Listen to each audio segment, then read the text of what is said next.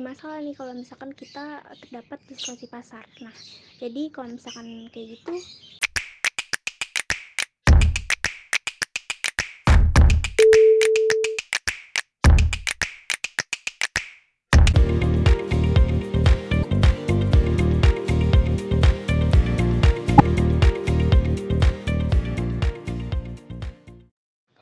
Hai, ketemu lagi di podcast kita. Pada kali ini kita akan membahas dan sharing seputar perilaku ekonomi Islam. Nah, saya di sini nggak sendirian nih.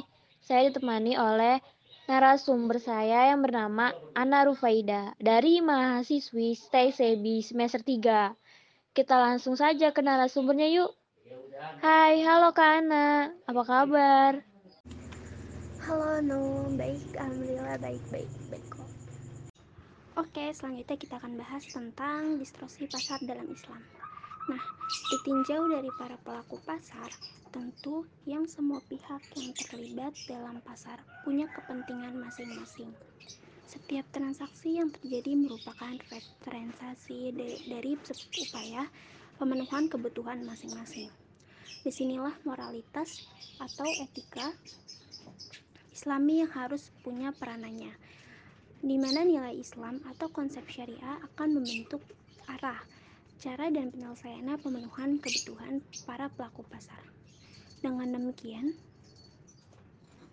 para pelaku pasar akan bertindak sesuai dengan kaidah nilai Islam yang ada. Realisasi dari konsep syariah itu memiliki tiga ciri yang mendasar, yaitu prinsip keadilan, prinsip kegiatan yang dilarang, dan diperhatikan aspek manfaatannya. Ketiga prinsip tersebut berorientasi pada terciptanya sistem ekonomi yang seimbang, yaitu keseimbangan antara memaksimalkan uh, memaksimalkan keuntungan dan pemenuhan prinsip syariah yang menjadi hal mendasar dalam kegiatan pasar. Nah, ditinjau dari aspek mekanisme yang terjadi di pasar, konsep mekanisme pasar dalam Islam dapat merujuk kepada Rasulullah, kepada hadis Rasulullah, sebagaimana disampaikan oleh Anas radhiyallahu anhu sehubungan dengan adanya kenaikan harga barang harga barang di kota. Uh, dalam hadis tersebut diriwayatkan sebagai berikut. Harga melambung pada zaman Rasulullah SAW. Orang-orang ketika itu mengajukan saran kepada Rasulullah dengan berkata, "Ya Rasulullah, hendaklah engkau menentukan harga." Rasulullah berkata, "Sungguhnya Allah yang menentukan harga, yang menahan dan melapangkan dan memberi rezeki. Sangat aku harapkan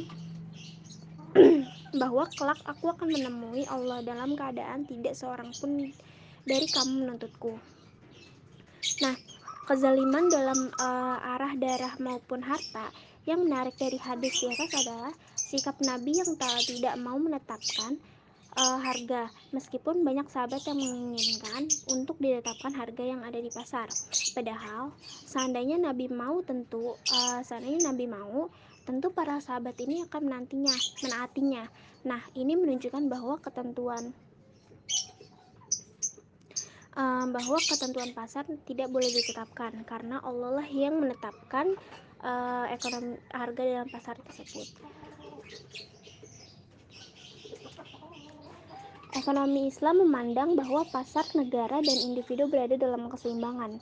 Tidak boleh ada uh, subkoordinat atau tidak boleh ada jarak antara mereka sehingga salah satunya menjadi dominan dari yang lain. Pasar dijamin kebebasannya uh, dengan menentukan cara-cara produksi dan harga. Tidak boleh ada gangguan yang mengakibatkan rusaknya keseimbangan harga. Dengan demikian, mekanisme pasar Islam harus menjamin keadilan para pelaku pasar. Dapat didasari oleh saling rela dalam proses transaksi dan tidak adanya kezaliman. Namun dalam kenyataannya sulit ditemukan pasar yang, berda yang berjalan secara adil. Distorsi pasar tetap sering terjadi sehingga dapat merugikan para pihak. Inilah yang mesti harus diantisipasi dan tetap menjalankan mekanisme secara alami.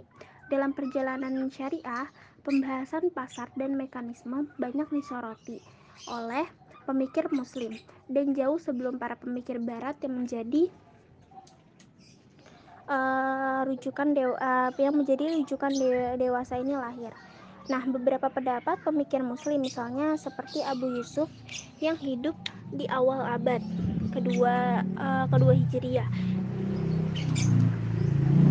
Dia telah membahas dia telah membahas tentang harga hukum supply dan demand dalam perekonomian. Pemahaman yang berkembang uh, mengatakan bahwa bila tersedia sedikit barang maka harga akan mahal dan bila tersedia banyak barang maka harga akan murah. Nah, Abu Yusuf juga membantah pemahaman seperti ini karena uh, pada kenyataannya itu persediaan barang sedikit tidak selalu diikuti dengan kenaikan harga. Dan sebaliknya, persediaan barang melimpah belum tentu membuat harga akan murah.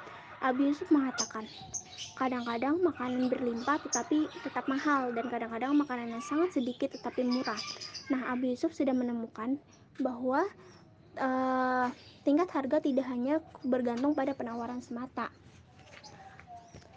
Yusuf mau uh, namun jadi itu kayak misalkan Abu Yusuf itu kan sudah menemukan bahwa tingkat harga itu uh, tidak hanya bergantung pada penawaran semata, tapi kekuatan permintaan itu juga penting. Nah, Abu Yusuf ini mengemukan nih bahwa tidak ada batasan tertentu tentang rendah dan mahalnya harga barang.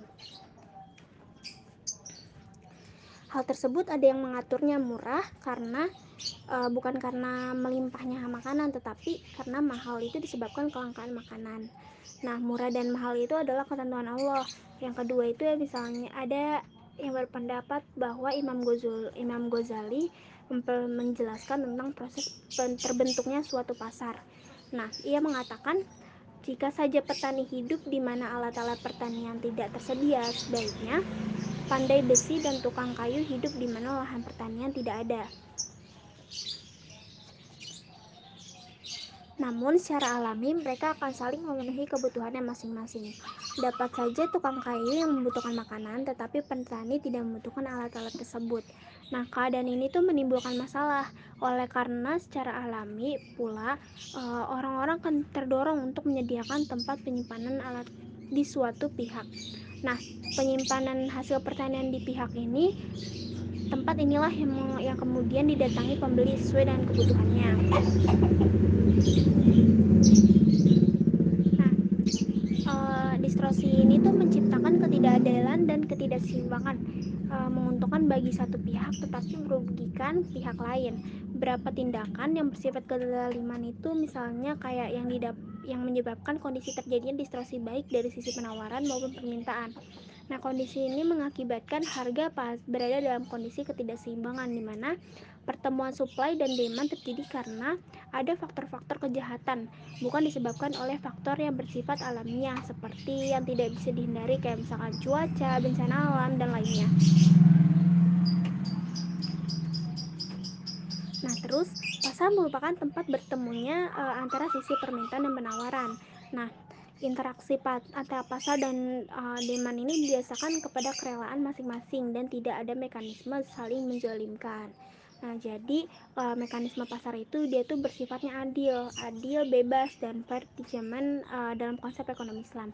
Nah, tidak boleh ada intervensi ya, e, oleh pihak apa pun, baik dari pasar, negara maupun individu. Tidak boleh ada subordinat, tidak boleh ada jarak antara mereka sehingga salah satunya itu menjadi dominan dari yang lain gitu. Nah, pada kenyataannya itu mekanisme pasar tidak selalu berjalan dengan baik. Nah, sering kali terjadi gangguan sehingga tidak berjalan dengan semestinya, yang kemudian disebut sebagai kegagalan pasar dalam distorsi pasar. Nah, jadi kayak gitu. Jadi uh, sharing-sharing tentang distorsi pasar gitu. Semoga kalian paham dan kalau ada yang mau tanyain boleh banget langsung ditanyain. Terima kasih. Bagaimana kita menghindari distorsi pasar tersebut? Berarti nih, jadi itu cara pengecekannya.